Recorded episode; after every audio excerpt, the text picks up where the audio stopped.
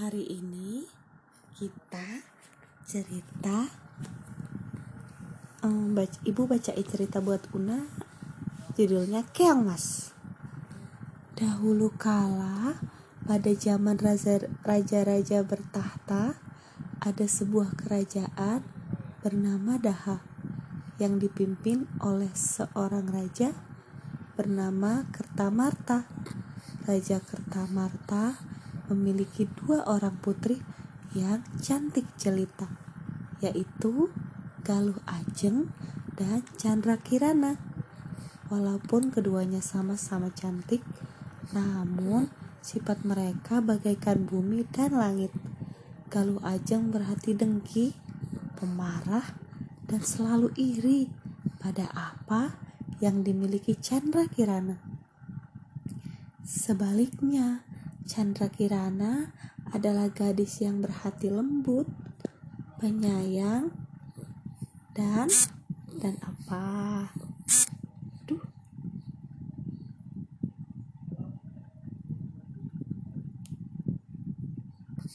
Pandai memasak loh. Karena itulah putra mahkota dari kerajaan Kahuripan yang bernama Raden Inu Kertapati memilih Chandra Kirana sebagai tunangannya. Raden Inu ada seorang pangeran tampan, rupawan dan bijaksana.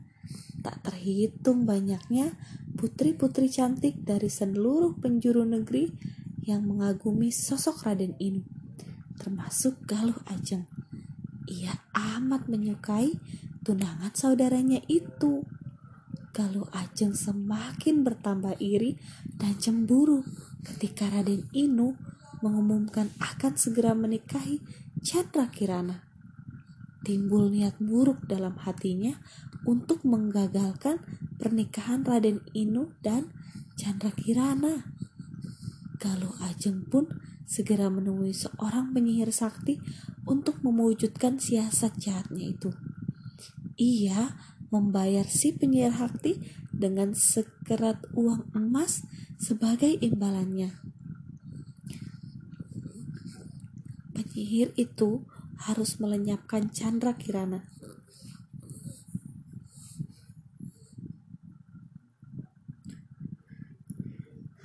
Melenyapkan Chandra Kirana untuk selama-lamanya loh. Namun, nasib baik masih berpihak pada Chandra Kirana karena keluhuran budinya, Chandra Kirana senantiasa mendapat perlindungan dari para dewa. Kutukan si penyihir tidak sepenuhnya berhasil melenyapkan dirinya. Chandra Kirana hanya berubah wujud menjadi seekor keong yang bertempurung emas dan akan kembali menjadi manusia apabila ia bertemu dengan pelahan jiwanya yaitu Raden Inu Kertapati. Galuh aja membuang keong emas jelmaan Chandra Kirana itu ke tengah laut dan menyebarkan berita bahwa Chandra Kirana telah tewas karena hanyut di bawah ombak ketika sedang berenang. Raden Inu yang mendengar berita itu menjadi amat sedih. Ia berharap Chandra Kirana masih hidup karena tak seorang pun yang berhasil menemukan jasa tunangannya itu. Tak henti-hentinya Raden Inu berdoa agar Chandra Kirana selamat dan kelak mereka dapat bertemu kembali. Jauh dari kerajaan Daha, di sebuah desa bernama, bernama Dadapan, hiduplah seorang nenek tua yang pekerjaannya mencari kerang di tepian pantai. Di pantai itulah keong mas Jerman Chandra Kirana terdampar setelah berhari-hari terapung di lautan. Ketika sang nenek sedang berjalan menyusuri pantai, ia melihat sesuatu yang tampak berkilau-kilau. Ternyata kilauan itu berasal dari tempurung seekor keong yang memancarkan cahaya keemasan. Dipungutnya keong itu, ia bawa pulang dan ditempatkan pada sebuah baki. Tak lupa, ia menaruh sehelai daun selada di dalam di dalamnya agar Keong itu tidak kelaparan. Pagi-pagi, sang nenek sudah pergi ke pantai untuk mencari keong. Eh, kerang. Saat matahari berada di tempat di atas kepala, ia bergegas pulang, hendak beristirahat dan menerak nasi untuk makan siang. Alangkah terkejutnya sang nenek ketika ia masuk ke dalam gubuk dan mendapati meja makanannya penuh dengan hidangan yang amat lezat, lengkap dengan sebakul nasi putih yang hangat dengan sekendi air dingin. Karena rasa lapar telah melilit perutnya, dengan lahap dimakannya semua hidangan itu sambil bertanya-tanya dalam hati. Siapakah yang telah menyediakan makanan dan minuman itu ya?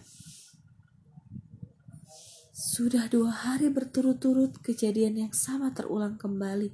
Setiap tengah hari, ketika sang nenek pulang ke gubuknya, hidangan lezat aneka rupa telah tertata rapi di atas meja makannya. Lama-kelamaan, rasa penasaran sang nenek semakin bertumpuk. Ia heran Siapakah gerangan seorang yang begitu baik hati yang telah memasakkan semua hidangan-hidangan itu untuknya?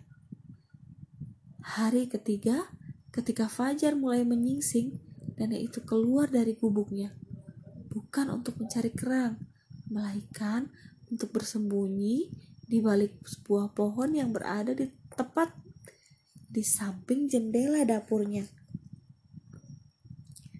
Ia hendak mencari tahu apa yang sesungguhnya telah terjadi.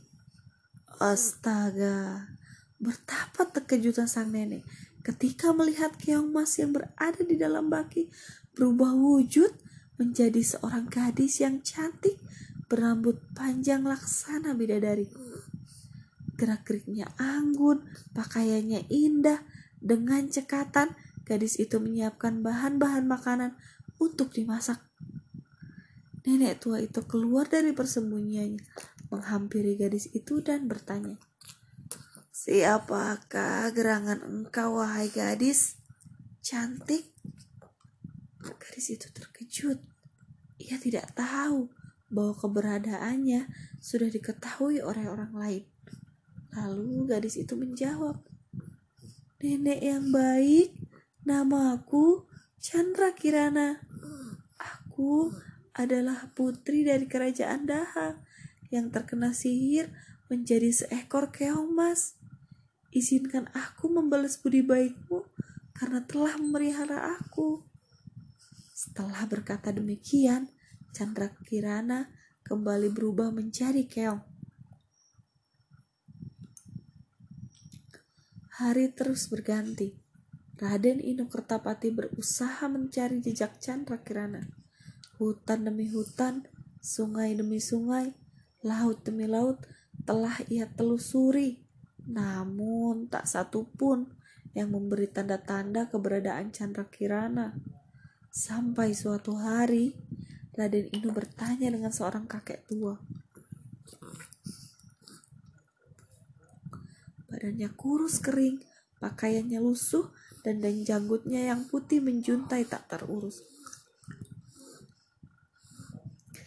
Kakek itu mendekati Raden Inu Kertapati dan berkata, Tuan yang budiman, apakah hamba boleh meminta seiris roti dan seteguk air?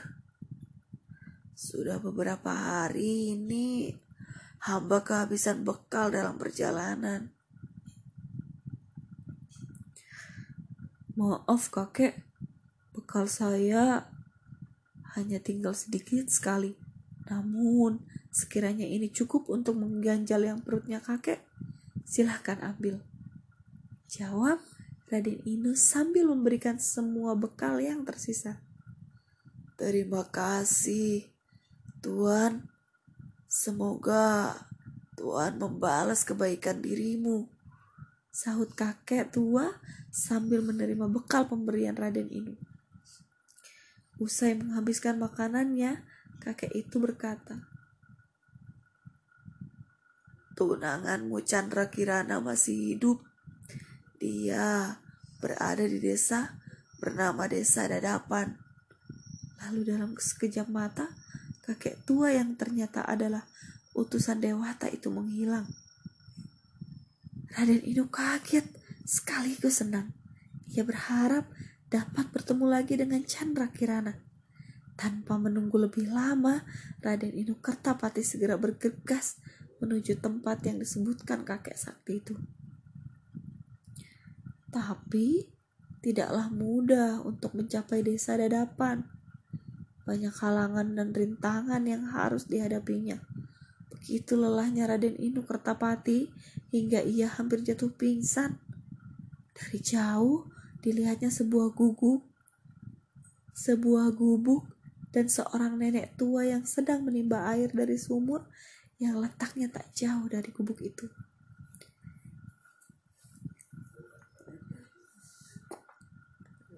Dihampirinya nenek itu dan berkata, Nek, bolehkah saya meminta sedikit air?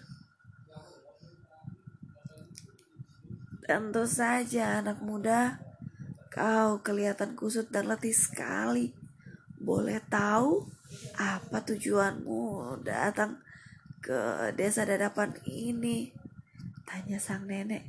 Seraya menuangkan air pada sebuah cawan dan diberikannya kepada pemuda itu. Sambil melepas dahaga, Raden Inu bercerita pada sang nenek. Telah berbulan-bulan saya mencari turangan saya yang bernama Chandra Kirana.